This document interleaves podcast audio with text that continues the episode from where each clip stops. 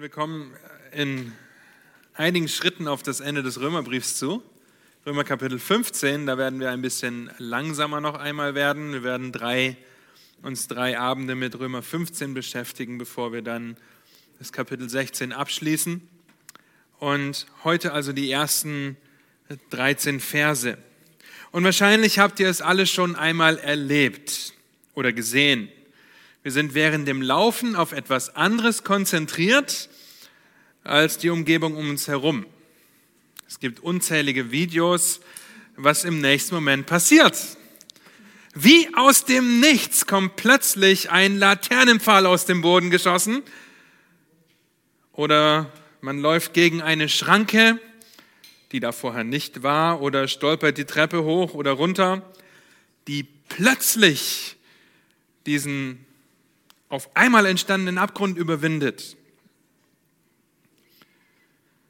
Die falsche Perspektive macht, macht einen großen Unterschied. Nun, eine Lebenseinstellung oder eine Herangehensweise, selbst wenn wir das vielleicht nicht so formulieren würden, die jeder von uns wahrscheinlich häufiger hat, als er es meint, lautet, wären meine Umstände anders, wäre ich anders. Wäre mein Ehemann ein Ehemann und keine Ehememme, dann könnte ich mich ja unterordnen. Wäre meine Ehefrau attraktiv, würde ich ja nicht mit sexueller Lust kämpfen. Würde ich mehr Geld haben, würde ich ja geben. Wären meine Kinder gehorsam, würde ich nicht wütend auf sie werden. Wäre ich verheiratet, würde ich Erfüllung finden. Wäre, würde, wäre, würde. Mit anderen Worten, die Situation, in die Gott mich gestellt hat, ist Schuld. Im Endeffekt ist also Gott selbst schuld, wenn ihr das so wollt.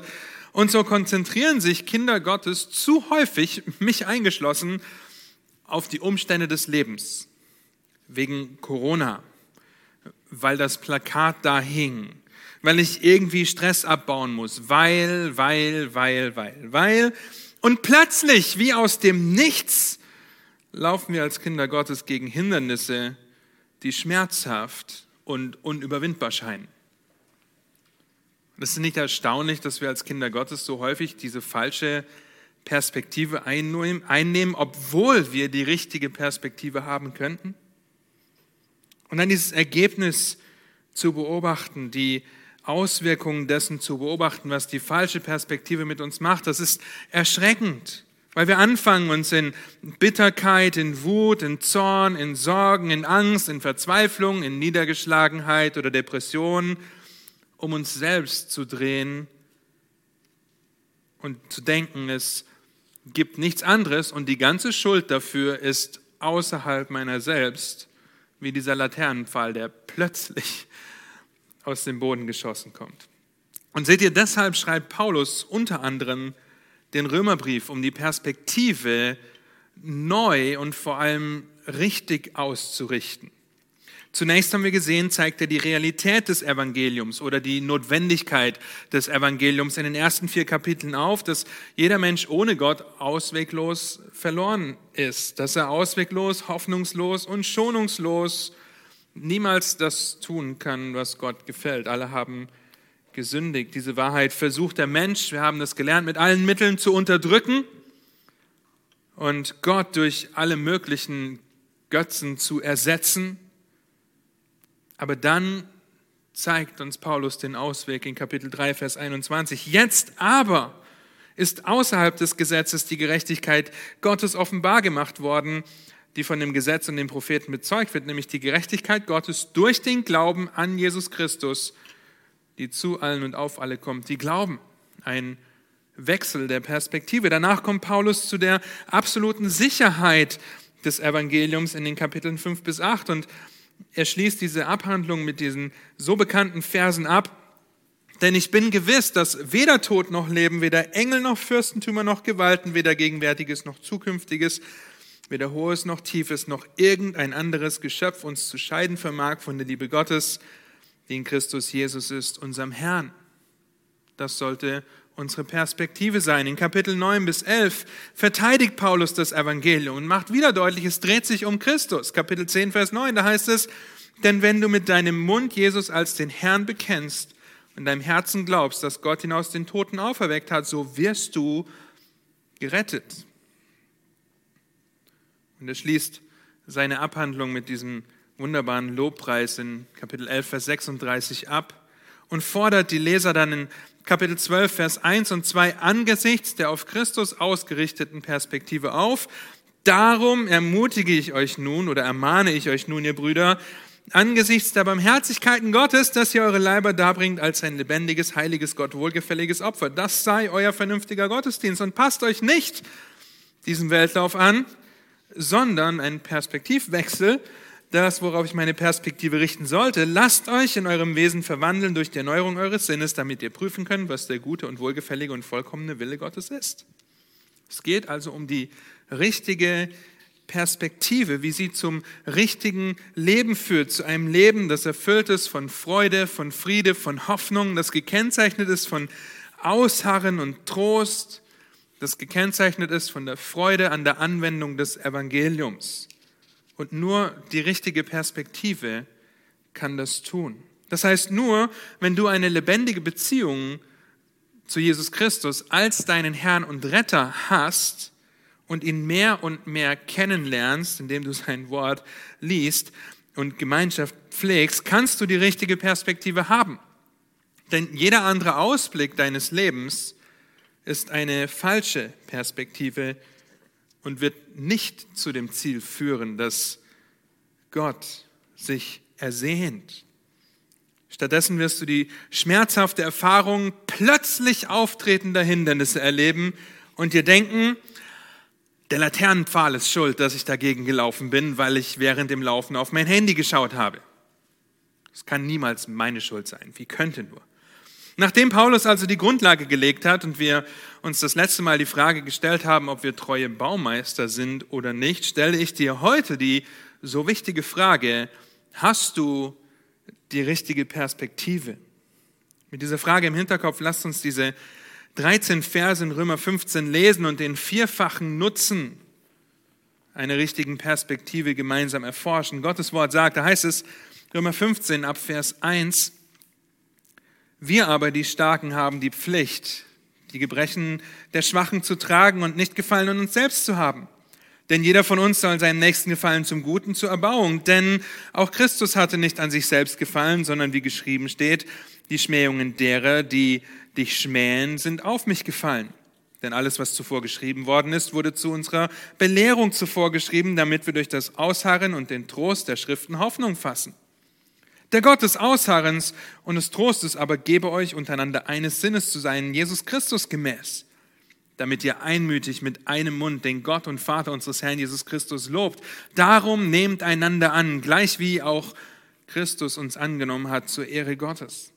Ich sage aber, dass Jesus Christus ein Diener der Beschneidung geworden ist, um der Wahrhaftigkeit Gottes willen, um die Verheißungen an die Väter zu bestätigen, dass aber die Heiden Gott loben sollen, um der Barmherzigkeit willen, wie geschrieben steht. Darum will ich dich preisen unter den Heiden und deinen Namen Lob singen. Und wiederum heißt es, freut euch, ihr Heiden, mit seinem Volk. Und wiederum, lobt den Herrn alle Heiden und preist ihn alle Völker. Und wiederum spricht Jesaja, es wird kommen die Wurzel Isais und der, welcher aufsteht, um über die Heiden zu herrschen. Auf ihn werden die Heiden hoffen. Der Gott der Hoffnung aber erfülle euch mit aller Freude und mit Frieden im Glauben, dass er überströmt in der Hoffnung durch die Kraft des Heiligen Geistes. Soweit der Text. Gleich in den ersten vier Versen macht Paulus deutlich, dass die richtige Perspektive dich das wahre Vorbild deiner Aufgabe erkennen lässt. Denn es ist Gott selbst, der sich erniedrigt. Direkt in Vers 1 knüpft Paulus seine begonnene Abhandlung an, die wir, wie wir miteinander umgehen sollen, die in Kapitel 14 beginnt. Im Endeffekt sagt er in Vers 1, let it go. Ja, und einige fangen jetzt an zu singen, ja, weil ihr Frozen gesehen habt. Nein, let it go. Als Starker ist es nicht die Aufgabe und nicht deine Aufgabe, Gefallen an dir selbst zu haben, dich selbst zu profilieren, dich selbst darzustellen, sondern stattdessen ist die richtige Perspektive, die Gebrechen der Schwachen zu tragen. Die Gebrechen der Schwachen zu tragen, sich darum zu kümmern. Und wir haben schon gelernt, dass wir ein Leib sind, bei dem jeder sich um den Nächsten kümmern soll, in Kapitel 12, Vers 3 und die folgende.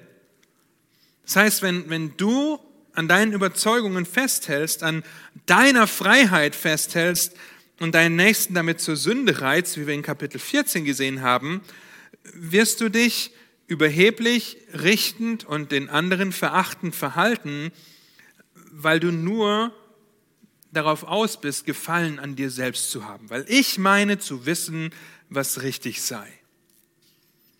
Und Paulus sagt, das, das sollte nicht deine Perspektive sein. Du solltest dich nicht nur auf dich selbst zu konzentrieren. Warum konzentrieren? Warum nicht? Weil wir ein Vorbild haben.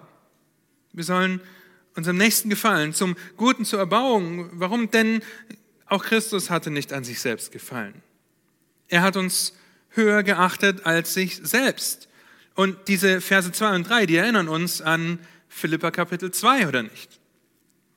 Wo es in den ersten Versen heißt, achtet einander höher als euch selbst. Und dann ab Vers 5 heißt es, denn ihr sollt so gesinnt sein, ihr sollt so denken, wie es Jesus Christus auch war, der als er in der Gestalt Gottes war, es nicht wie einen Raub festhielt, Gott gleich zu sein, sondern er entäußerte sich selbst, nahm die Gestalt eines Knechtes an und wurde wie die Menschen und in seiner äußeren Erscheinung als ein Mensch erfunden, erniedrigte er sich selbst bis zum Tod, ja, zum Tod am Kreuz.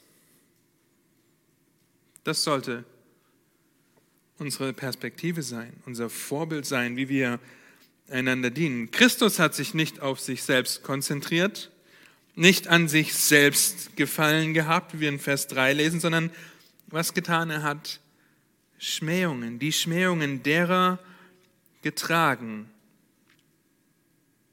die dich schmähen und die sind auf ihn gefallen. Schmähungen ertragen, damit wir eine lebendige Beziehung zu ihm haben können. Stell dir nur vor, Christus hätte nur Gefallen an sich selbst gehabt, es wie einen Raub festgehalten sich nicht um unseren erniedrigt und aufgegeben.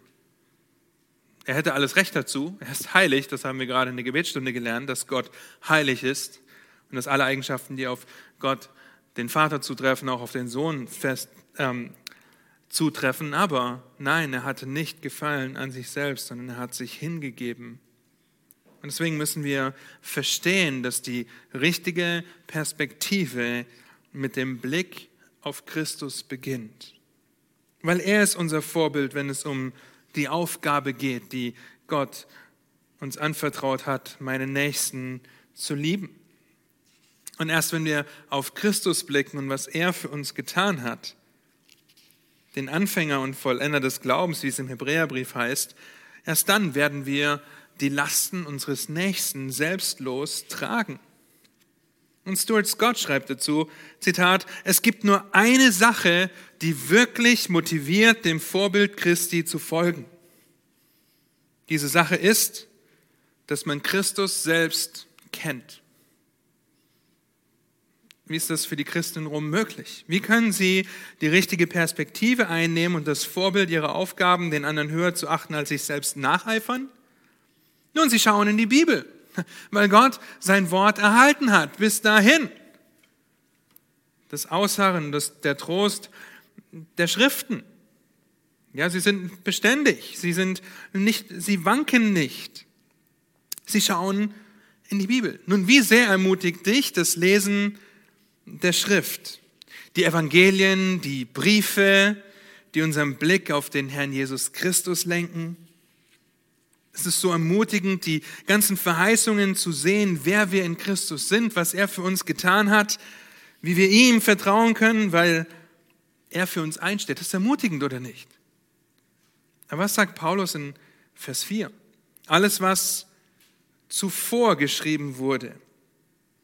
Nun, und zur Zeit der Abfassung des Römerbriefs um circa 56 nach Christus gab es nur eine Handvoll von Briefen und nicht alle Evangelien. Und diese Briefe waren im Umlauf. Aber das, was vorhanden war und was am meisten verbreitet war, war das, was man in jeder Synagoge gefunden hat. Eine Abschrift des Gesetzes und der Propheten. John MacArthur schreibt dazu in seinem Kommentar, Zitat, die bekannte Aussage von Paulus, dass alle Schrift von Gott eingegeben und nützlich zur Belehrung, zur Überführung, zur Zurechtweisung, zur Erziehung in der Gottes, in der Gerechtigkeit ist, damit der Mensch Gottes ganz zubereitet sei, zu jedem guten Werk völlig ausgerüstet, 2. Timotheus 3, Vers 16 und 17, gilt zweifellos auch für das Neue Testament. Aber in den Köpfen der ursprünglichen Empfänger bezog, sich, bezog es sich auf die heiligen Schriften des Alten Testaments. Versteht ihr das? Unsere Geschwister in Rom, die hatten das nicht so vorliegen wie wir heute. Die hatten das Gesetz und die Propheten, vielleicht haben sie von einigen Briefen und den Evangelien gehört, aber sie hatten das Alte Testament. Und im Alten Testament handelt es sich nicht einfach nur um historische Berichte, die unsere Neugierde befriedigen sollen. Nein, das Alte Testament ist das lebendige Wort Gottes, die heiligen Schriften, in denen sich der Gott Wortes den Kindern Gottes aller Generationen offenbart. Es wurde jedem Gläubigen gegeben, damit es Hoffnung in Schwierigkeiten spendet und ein Vorbild uns zeigt, wie wir unsere Aufgabe leben sollen. H.B. Charles Jr. fasst das gut zusammen, indem er auf einer Konferenz gesagt hat, Zitat, es ist der Wille Gottes, dass der Geist Gottes das Wort Gottes benutzt, um die Kinder Gottes in das Bild seines Sohnes zu verwandeln. Wir haben die Schrift. Die Geschwister in Rom hatten die Schrift um sie mehr dahin zu bringen, ihrem Herrn und Retter ähnlicher zu werden. Das Wort Gottes belehrt uns, es zeigt uns, wer Gott ist, was er tut, was er möchte.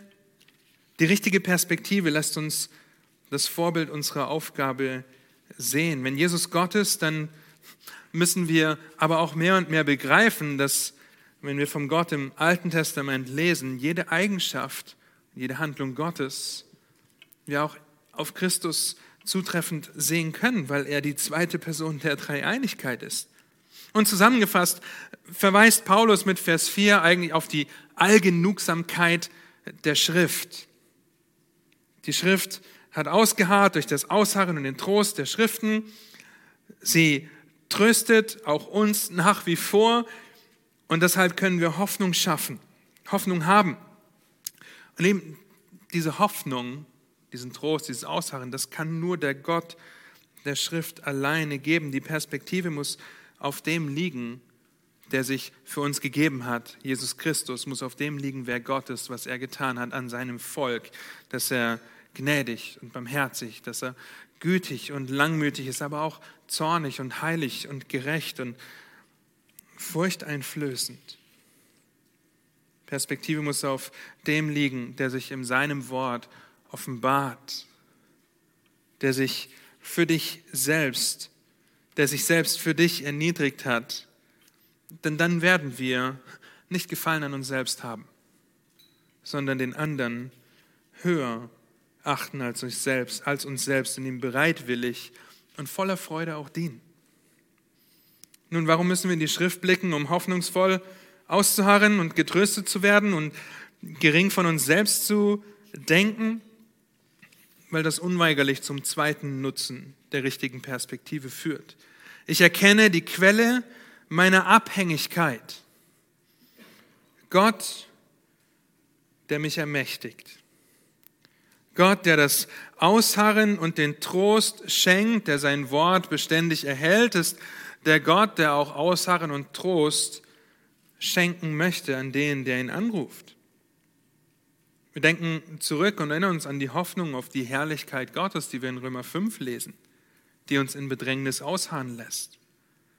Die Hoffnung der Wahrheiten Gottes lassen uns mit Paulus in das erste von zwei Gebeten in unserem Abschnitt einstimmen. Und lass uns auf die Quelle unserer Abhängigkeit blicken, nämlich Gott selbst. Es geht nicht um uns. Es geht um Gott. Dein Glaubensleben dreht sich nicht um deine Errungenschaften, als ob du deinen Gehorsam zur Quelle deiner Abhängigkeit machst und darauf hoffst, dass dein Gehorsam dich dazu ermächtigt, auf der einen Seite keinen Gefallen an dir zu haben und auf der anderen Seite ausharren und Trost zu finden. Nun, wenn, wenn, wenn das deine Perspektive ist, dann musst du bei Versagen entweder verzweifeln oder den Umständen die Schuld geben, weil sie niemals Trost oder Ausharren geben werden, weil Gott nur das geben kann, weil es Gott entspricht, das zu tun. Und so darf es dein Gebet sein, muss es mein Gebet sein, dass wir uns in Gottes Abhängigkeit stellen. Der Gott des Ausharren und des Trostes aber gebe euch, untereinander eines Sinnes zu sein. Wir müssen das von Gott erbitten. Wir müssen unsere Gesinnung erneuern lassen, damit wir prüfen können, was Gott aufgrund seine, auf Grundlage seiner dir und mir erwiesenen Barmherzigkeit möchte, wie wir uns als ein lebendiges Opfer hingeben können. So mach es zu deinem Gebet, dass du nur bei Gott Trost und Ausharren suchst. Nicht bei Menschen, nicht bei Errungenschaften, nicht bei Geld, Gesundheit, deinen Umständen oder Einflüssen von außen.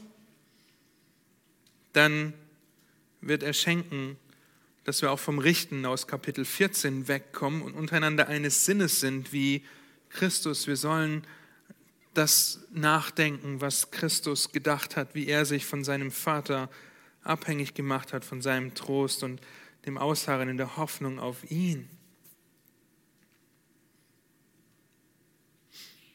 Wir haben die Gesinnung Christi, weil wir unsere Gedanken um den kreisen lassen, um den Christus sie hat kreisen lassen.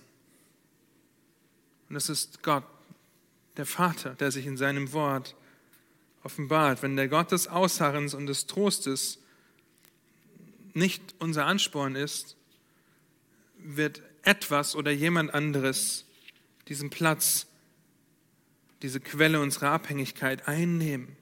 Nun, was ist das Ziel unserer Abhängigkeit von Gott? In Vers 6. Damit, wir sind abhängig von dem Gott des Ausharren des Trostes, dass er uns gebe, untereinander eines Sinnes zu sein, Christus gemäß. Wir denken dasselbe, was Christus gedacht hat und das wird dazu führen, dass wir eines Sinnes sind. Warum? Damit, damit ihr einmütig mit einem Mund den Gott und Vater unseres Herrn Jesus Christus lobt. Das heißt, wenn wir uns dessen nicht bewusst sind, uns nicht bewusst in die Abhängigkeit zu Gott stellen, dann werden wir Trost in etwas oder jemand anderem suchen und dann werden wir zu Fall kommen. Das wird dazu führen, dass keine Einmütigkeit unter Geschwistern herrscht, weil sie herrschen und bestimmen wollen, weil sie meinen zu wissen, was richtig, was gut und was gerecht ist, weil sie sich einbilden, sie kennen eine bessere Quelle der Abhängigkeit als Gott. Wir erinnern uns an Daniels Vortrag zu Augustinus von, von letzter Woche. Die drei Merkmale eines erfüllten Lebens. Eine falsche Perspektive zu haben wird dazu führen, dass du die Gnade, die Barmherzigkeiten Gottes zu deinen eigenen Vorstellungen verdrehst. Nicht einmütig, sondern gespalten. Nicht mit einem Mund, sondern viele Münder die miteinander streiten und diskutieren, ob sie jetzt gesetzlich leben müssen, weil das Gnade wäre, oder ob sie in Ausschweifungen leben können, weil sie die Gnade in diese Richtung verdrehen. Das heißt, wenn wir die Quelle unserer Abhängigkeit erkennen, dass Gott derjenige ist, der uns erhält, dann wird das die Einheit unter Geschwistern fördern. Dann werden wir mit einem Mund Gott loben weil wir gemeinsam auf Christus blicken, bevor wir auf unseren Nächsten oder unsere Umstände schauen. Das heißt, wenn du Gott nicht zum Mittelpunkt deiner Perspektive machst, wirst du den Menschen auch nicht lieben. Wird es zu Problemen in deinen Beziehungen kommen, und wirst du dich von anderen distanzieren, weil sie dir lästig sind, weil sie dich nicht bestätigen, dich nicht trösten, dir nicht das geben, was du willst. Das ist auf der einen Seite alles andere, als Gott mit einem Mund zu loben und auf der anderen Seite alles andere als das, was in den zwei größten Geboten zusammengefasst ist und lautet, liebe Gott und liebe deinen Nächsten. Und in der ganzen Schrift sehen wir, wie unsere Liebe zu Gott durch unsere Liebe zu unserem Nächsten zum Ausdruck gebracht wird. Einander anzunehmen, darum nehmt einander an. Einander anzunehmen ist ein wunderbares Bild und Zeugnis dafür, dass Christus dich angenommen hat. Mit allen Runzeln, Flecken und Schmutz, als du noch sein Feind warst. Wir müssen darüber nachdenken und uns die ernsthafte Frage stellen, wenn Gott, der mich ermächtigt, der mir die Möglichkeit gibt, in Einheit zu leben, wie wir in Epheser 4 lesen können, sollen wir diese Einheit nur bewahren, die der Heilige Geist schenkt. Wenn Gott, der mich ermächtigt, in Einheit zu leben, nicht die Quelle meiner Abhängigkeit ist, was ist es dann? Was ist es dann? Du kennst das am besten, wenn du Situationen in den vergangenen Tagen oder heute betrachtest, in denen du wütend wurdest, in denen es Krach gab in den Beziehungen, die du führst. Wie könntest du das prüfen? Nun, zum Beispiel könntest du dir Galater 5, Vers 16 bis 26 vornehmen und eine Auflistung mit der Frucht des Fleisches und der Frucht des Geistes machen. Könntest neben eine Skala von 0 bis 5 oder wie auch immer machen und aufrichtig bewerten, ob du ob und wo du dich in jedem Bereich einordnen würdest. Wo du dich einordnen würdest, als du dir das letzte Mal Sorgen gemacht hast, als du das letzte Mal wütend wurdest oder was auch immer. Null wäre, du findest dich darin gar nicht wieder. Fünf ist, dass es dein Leben in diesem Moment beherrscht hat. Und bevor du das tust, geh ins Gebet und tatsächlich bitte auch andere für dich zu beten. Und dann danke Gott für jede Abwesenheit der Frucht des Fleisches und jede Anwesenheit der Frucht des Geistes, weil er wirkt das. Es kommt von Gott. Er ist die Quelle unserer Abhängigkeit. Und auf der anderen Seite bitte Gott um Vergebung für die Anwesenheit oder für jede Anwesenheit der Frucht des Fleisches und für die Abwesenheit des, der Frucht des Geistes. Denn wir können das Fleisch nähren und pflegen, wie wir auch schon in Römer 13 gelesen haben. Wir sollen aber im Geist wandeln und nicht im Fleisch. Und das ist eine Möglichkeit zu prüfen, von wem oder was du dich abhängig machst. Wenn du dich mehr mit der, in der Frucht des Fleisches wiederfindest, dann strecke dich nach Hilfe aus, aber nach einer Hilfe, die das Ziel hat, dich an die wahre Quelle deiner Abhängigkeit zu führen und dich dabei zu unterstützen, den Gott und Vater unseres Herrn Jesus Christus mit deinen Geschwistern einmütig und mit einem Mund zu loben. Ist sehr überführend, oder nicht?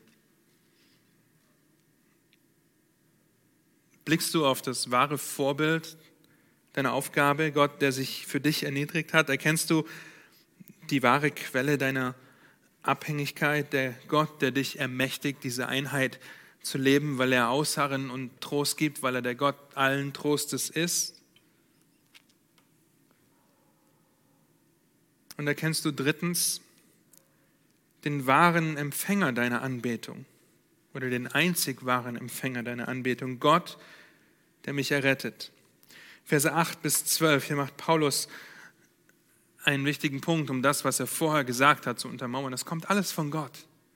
Und wenn alles von Gott kommt, dann muss auch alles Gott loben. In Kapitel 14 haben wir das auch schon gesehen, dass jede Zunge bekennen, Gott bekennen wird, Gott loben wird. In Vers 8 sehen wir, dass der Sohn den Vater bestätigt.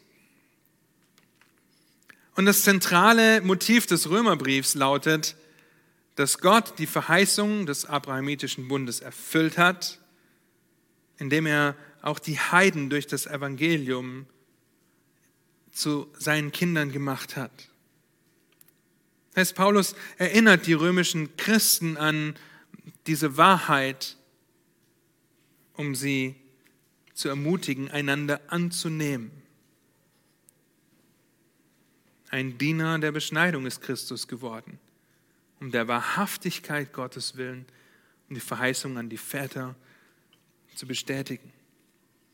Und das sollte uns zur Anbetung führen, denn Gott hat uns errettet. Wenn gleich Christus gekommen ist, um die verlorenen Schafe des Hauses Israels zu sich zu rufen und auch Paulus das Ganze bestätigt, dass Christus zu denen gekommen ist, die unter dem Gesetz waren und das Gesetz wurde den, den Juden gegeben, falls ihr euch erinnert. Er ist gekommen, um sie davon loszukaufen, macht Paulus hier deutlich, dass es ein anhaltender Dienst Jesu ist. Er ist ein Diener der Beschneidung geworden und es ist immer noch, weil er immer noch die Treue Gottes, die Wahrhaftigkeit Gottes bestätigt. Es nur ein paar Seiten zurückblättern, Kapitel 9 bis 11 lesen und die Treue Gottes bestärkt zu sehen und den Nutzen, den sie für jeden hat, der glaubt. Der Sohn bestätigt den Vater. Aber nicht nur das, weil der Sohn die Treue des Vaters bestätigt, bestärkt er dadurch auch das Lob Gottes. Und wieder einmal reiht Paulus das Alte Testament aneinander. Denn wenn die Verheißungen, die Gott den Juden gemacht hat, durch Christus bestätigt werden, dann wird das Lob Gottes um seiner Barmherzigkeiten willen bestärkt. Er hat dem Volk Israel Barmherzigkeit oder viele Barmherzigkeiten Gnade gezeigt. Er zeigt sie den Heiden, die glauben. Paulus kettet vier Aussagen des Alten Testaments zusammen, die deutlich machen, dass die Heiden Gott aufgrund seiner Barmherzigkeit gegenüber Israel loben. Paulus zitiert sowohl das Gesetz als auch die Propheten, um zu zeigen, dass die richtige Perspektive uns den wahren Empfänger der Anbetung erkennen lässt. Er macht deutlich, dass es Gott schon immer darum ging, dass alle Nationen ihn loben, ihn anbeten, ihn preisen. Und er macht deutlich, dass Gott sein Volk Israel als Bühne seiner sichtbaren Barmherzigkeit benutzt. Ihr könnt euch die Zusammenhänge von 5. Mose 32, von Psalm 18, Psalm 117 und Jesaja 11 durchlesen.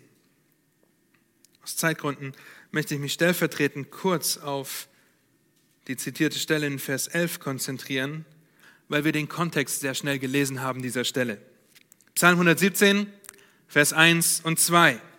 Lobt Jahwe alle Heiden, preist ihn alle Völker, denn seine Gnade ist mächtig über uns und die Treue Jahwes währt ewig. Halleluja! Das war der ganze Psalm. Das war der Kontext, in dem Paulus diesen Vers rausnimmt in Römer Kapitel 15. Nun, aber die Frage, die sich stellt, lobt Jahwe alle Heiden? Woran sollten die Heiden denn die Treue und Gnade Gottes erkennen? Wenn nicht daran, dass er seine Verheißungen gegenüber seinem Volk vollständig einhält. Die richtige Perspektive lässt dich in das Lob Gottes einstimmen, weil er dich errettet hat. Und was, was macht Paulus hier? Er richtet den Blick, die Perspektive auf den einzig wahren Gott, hilft den römischen Geschwistern und uns, den großen Gott kennenzulernen, darüber nachzudenken und zu staunen, was er getan hat, wie alle Nationen aufgrund seiner Barmherzigkeit gegenüber seinem Volk ihn loben wie Christus den Vater bestätigt und das Lob Gottes bekräftigt. Und wenn Paulus immer wieder das Alte Testament zitiert, dann macht er deutlich, dass wir Christus auf den meisten Seiten des Alten Testaments wiederfinden. Verheißungen auf ihn, über ihn. Er kommt als der Engel des Herrn. Er tritt in Erscheinung.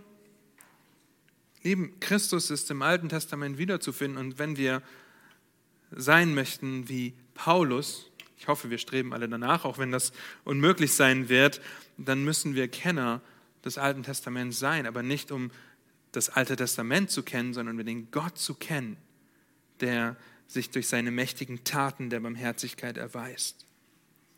Nun, wer ist der Empfänger deiner Anbetung und damit die Quelle deiner Abhängigkeit?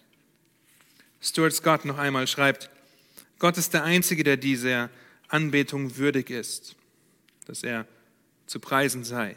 Wenn wir etwas anderes als Gott verehren, leben wir unser Leben nicht für Gott allein? Wer ist die, der Empfänger deiner Anbetung? Stell dir die Fragen, auf wen oder was konzentriere ich mich? Über wen oder was rede ich? Was beschäftigt mich? Wofür gebe ich mein Geld und meine Zeit? Worin finde ich Zufriedenheit? Worin suche ich Hoffnung? Und vor allem die Frage, was willst du damit erreichen? Sicherheit, Kontrolle, vielleicht Anerkennung, Gesundheit, Vergnügen, Erfolg, Besitz. Nun, wenn das die Empfänger deiner Anbetung sind, weil du dir das so sehr wünschst und auf alle möglichen Weisen versuchst zu bekommen, dann hast du das, was du nur bei Gott finden kannst, zum Empfänger deiner Anbetung und damit, wenn ihr Römer 1 lest, zu einem Götzen gemacht. Das heißt, der Text fordert uns auf, uns zu prüfen, ob wir wirklich den Herrn loben ob wir ihn anbeten.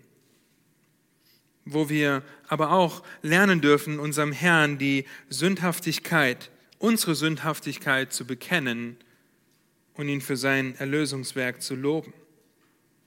Wo wir lernen, dass wir Buße tun müssen, weil wir so oft eine falsche Perspektive haben. Das heißt, wir wenden uns Gott zu, indem wir herausfinden, wie wir unsere Perspektive weg von der falschen Anbetung hin zur Anbetung Gottes richten können.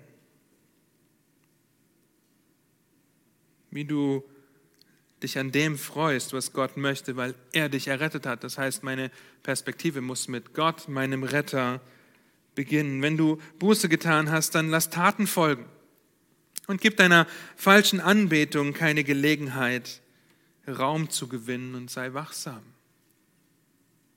Denn als Kind Gottes kann ich, kannst du den falschen Herrn zum Empfänger deiner Anbetung machen, die nur dem wahren Gott, der seine Gnade und Barmherzigkeit erwiesen hat, an dir, an mir gelten sollte. Das heißt, ich muss den Gott kennen, der mich errettet hat. Deshalb möchte ich auf den Seiten des Alten Testaments von seinen großen Taten lesen und darüber staunen, wer er ist, was er getan hat. Ich möchte aber auch lernen, wer ich im Licht der Schrift bin und zu wem er mich durch seine Gnade gemacht hat, durch sein stellvertretendes Sühnopfer. Und ich hoffe, ihr versteht den, den unmittelbaren Zusammenhang der Nutzen, die wir bis jetzt betrachtet haben. Wenn du nicht die richtige Perspektive hast, wird keiner dieser Erkenntnisse von dir in Erwägung gezogen werden weil wenn ich das wahre Vorbild meiner Aufgabe, meinen Nächsten zu dienen, nicht kenne, wie soll ich dann die wahre Quelle meiner Abhängigkeit begreifen und den wahren Empfänger meiner Anbetung erkennen? Das ist unmöglich, weil ich nicht darüber nachdenke, was Gott für mich getan hat, wie er in Beziehung zu mir getreten ist, wie der heilige Gott mich zu seinem Kind gemacht hat. Und wir haben vorhin darüber gesprochen, das steht uns nicht zu. Und das müssen wir mehr begreifen. Aber wir haben noch Vers 13. Und ich habe das getrennt von dem Rest, weil es das zweite Gebet ist, das Paulus in unserem Text benutzt. Mit der richtigen Perspektive erkenne ich die wahre Hoffnung, in oder meiner Aussichtslosigkeit. Es ist Gott, der mich erhält. Seht ihr das? Der Gott der Hoffnung. Gott ist der Gott der Hoffnung. Und so betet Paulus zu eben genau diesem Gott, von dem Petrus in 1. Petrus 1, Vers 3 schreibt, Gelobt sei der Gott und Vater unseres Herrn Jesus Christus, der aufgrund seiner, der uns aufgrund, was? Das erinnert uns an Römer 12 bis 16, der uns aufgrund seiner großen Barmherzigkeit wiedergeboren hat zu einer lebendigen Hoffnung durch die Auferstehung Jesu Christi aus den Toten. Der Text geht noch weiter, ist sehr ermutigend. 1. Petrus 1. Und Paulus betet also hier in Römer Kapitel 15, Vers 13. Auf der einen Seite haben wir gesehen, er betet, dass der Gott des Ausharrens und des Trostes ihnen Einheit gebe, die sie vom Richten abhält und sie gemeinsam Gott loben lässt. Und jetzt betet er, dass Gott, der Gott der Hoffnung, sie mit aller Freude und Frieden im Glauben erfüllen möge, auffüllen. Er betet, dass sie sich auf das konzentrieren mögen, was Paulus schon in Kapitel 14, Vers 17 gesagt hat. Nicht essen und trinken, sondern Gerechtigkeit, Friede und Freude. Das ist das Ziel in dem zweiten Teil von Vers 13. Er soll euch erfüllen mit aller Freude und mit Frieden im Glauben.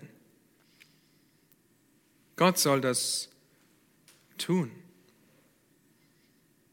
Was wird uns durch Glauben angerechnet? Gerechtigkeit. Römer Kapitel 4. Gott soll erfüllen. Gott soll das tun. Der Gott der Hoffnung soll das tun, weil nur Gott das durch die verändernde Kraft seines Evangeliums kann. Aber Hoffnung hast du eben nicht, wenn du gehorsam bist. Als ob es irgendeine Zauberformel oder eine zehn Punkte Abhakliste gibt, die man abarbeiten muss, um Hoffnung zu haben, um erfüllt zu sein mit Freude und Friede und Glaube. Hoffnung hast du auch nicht, wenn du dich selbst zur Quelle der Hoffnung und damit zur Quelle deiner Abhängigkeit und Empfänger deiner Anbetung erhebst, weil du sagst, okay, ich muss etwas tun, um Gott zu gefallen. Ich muss etwas tun, damit Gott mich nicht von sich weist, nicht abweist. Ich erhebe mich in einen Zustand, in dem ich versuche, heilig zu sein, ohne die Hoffnung in meinem Gott zu suchen. Hoffnung haben wir niemals, wenn sie von uns abhängig ist. Okay? Das Mittel sehen wir im dritten Teil dieses Verses. Was ist das Mittel dann, mit dem wir und wie wir mit Hoffnung erfüllt sein können, um Friede und Freude und im Glauben zu haben? Nun, sowohl Kapitel 14, Vers 17 als auch 15, Vers 13 zeigen das uns. Das heißt in Kapitel 14, Vers 17 heißt es, dann ist Reich Gottes nicht Essen und Trinken, sondern Gerechtigkeit, Friede und Freude im Heiligen Geist. Und in Vers 13, Kapitel 15, dass ihr überströmt in der Hoffnung durch die Kraft des Heiligen Geistes. Der Heilige Geist ist das Mittel, mit dem wir mit Hoffnung erfüllt werden. Der Heilige Geist, der unsere Sohnschaft versichert. Der Heilige Geist, der uns vertritt mit unaussprechlichen Seufzern. Der Heilige Geist, der uns die Hoffnung sehen lässt, die vor uns liegt. Römer Kapitel 8.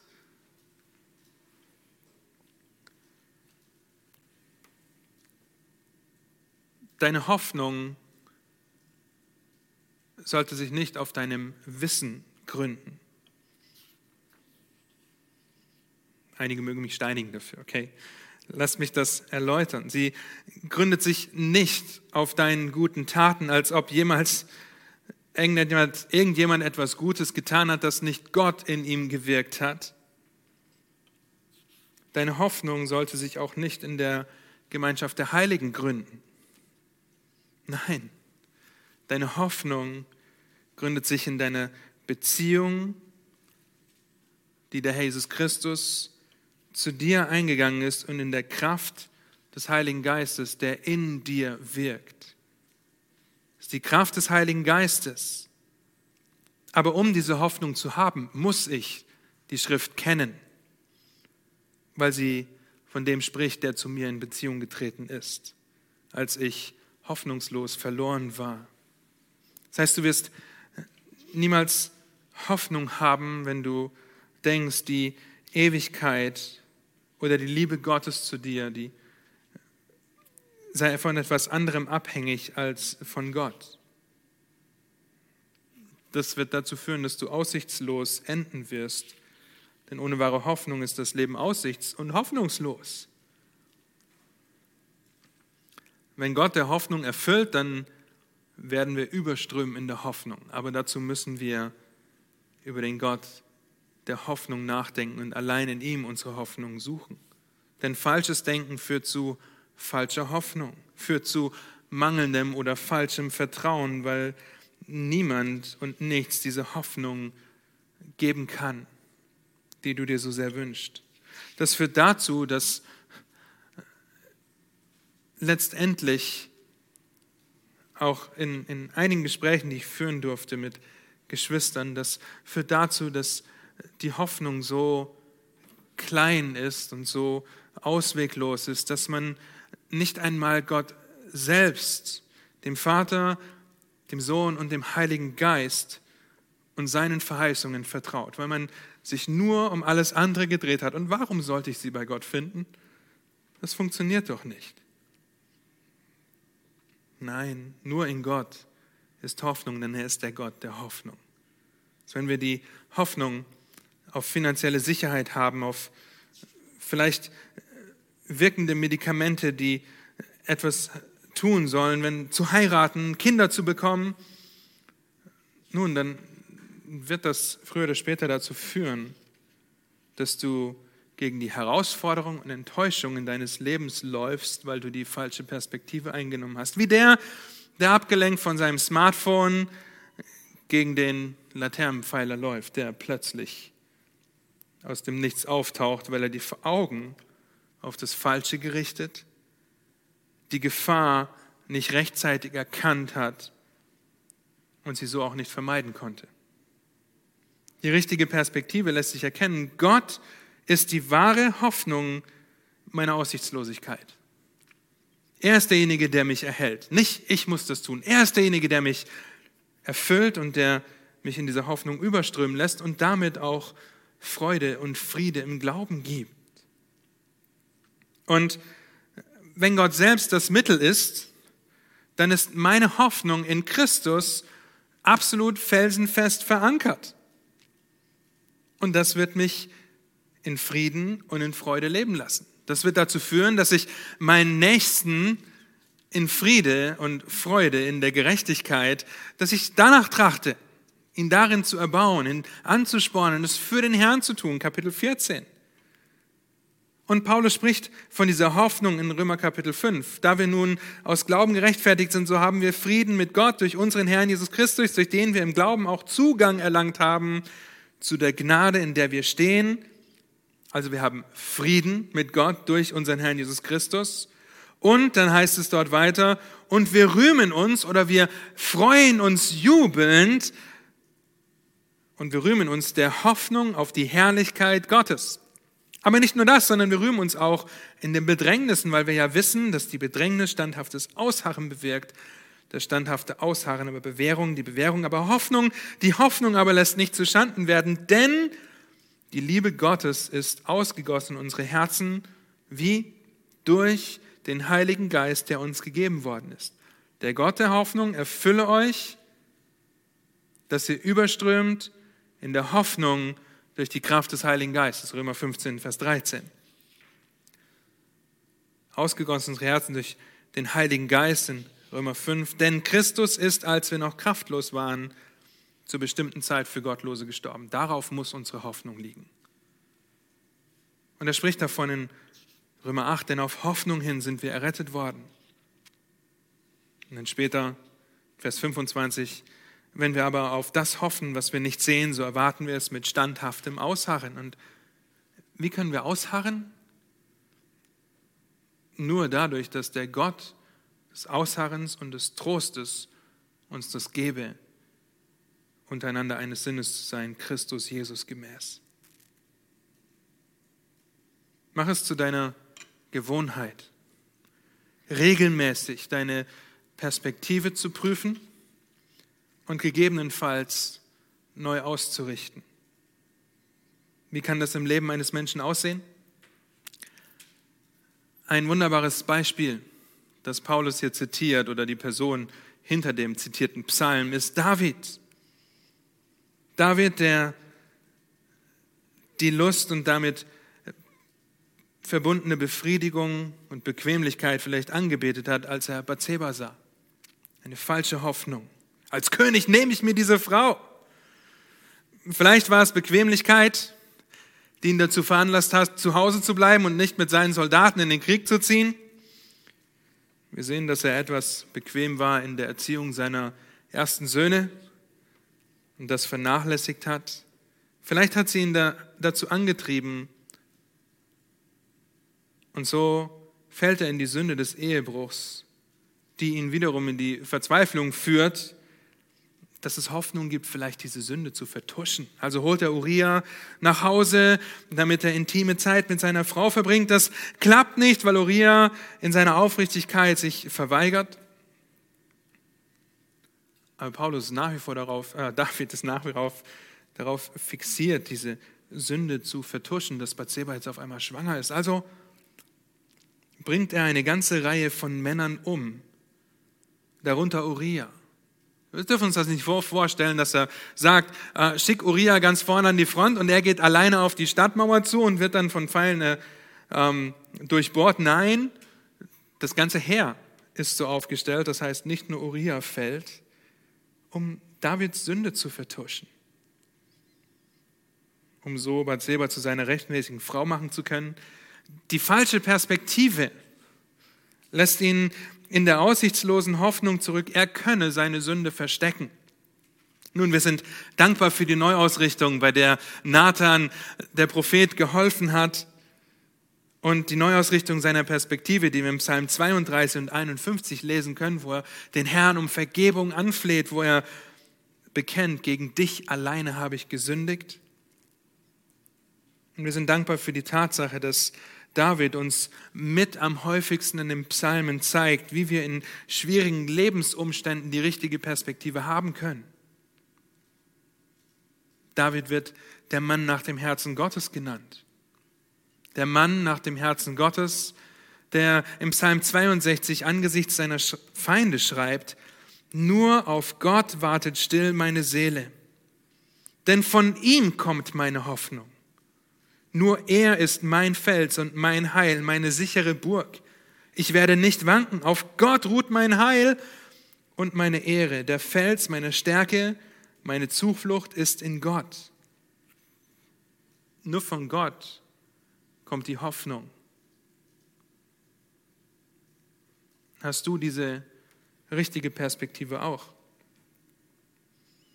Lass dich nicht von den Umständen und vorgegaukelten Hoffnungen des Lebens ablenken, sondern richte deinen Blick fest auf deinen Herrn Jesus Christus, den Gott des Trostes, des Ausharrens und der Hoffnung. Und er hat sich erniedrigt, er ermächtigt dich, er rettet und er erhält dich. Mache ihn zum Zentrum deines Blickes, deiner Perspektive. Amen. Lass mich noch beten. Herr, habt du Dank dafür, dass wir lernen dürfen von dir, der du dich gegeben hast, der du dich erniedrigt hast sogar bis zum Tod am Kreuz, aber uns vorher schon Beispiele und Vorbilder gegeben hast bei der Fußwaschung, Herr, wie du mit Zöllnern und Prostituierten umgegangen bist. Herr, dass du nicht Gefallen an dir selbst hattest. Ich bete, dass wir nicht Gefallen an uns selbst haben, sondern an dir, der du uns erlöst hast, an dir, der du dich für uns erniedrigt hast, an dir, der du uns ermächtigst, auch in Einheit untereinander zusammenzuleben, um dich mit einem Mund zu loben. Herr, an dir, der du uns erhältst, weil du der Gott der Hoffnung, des Ausharrens, des Trostes bist. Dank dafür, dass wir darüber nachdenken dürfen, unsere Perspektive überdenken können und dass du uns überführen kannst durch dein Wort, weil du dich in deinem Wort offenbarst und dein Wort schärfer als ein zweischneidiges Schwert ist. Und so schenk du Gnade, dass wir darüber staunen, dich loben und preisen für das, wer du bist, was du getan hast und wie du uns, deine Feinde, zu deinen Freunden gemacht hast, damit wir Freude und Friede haben können mit dir, aber auch untereinander, Herr. Amen.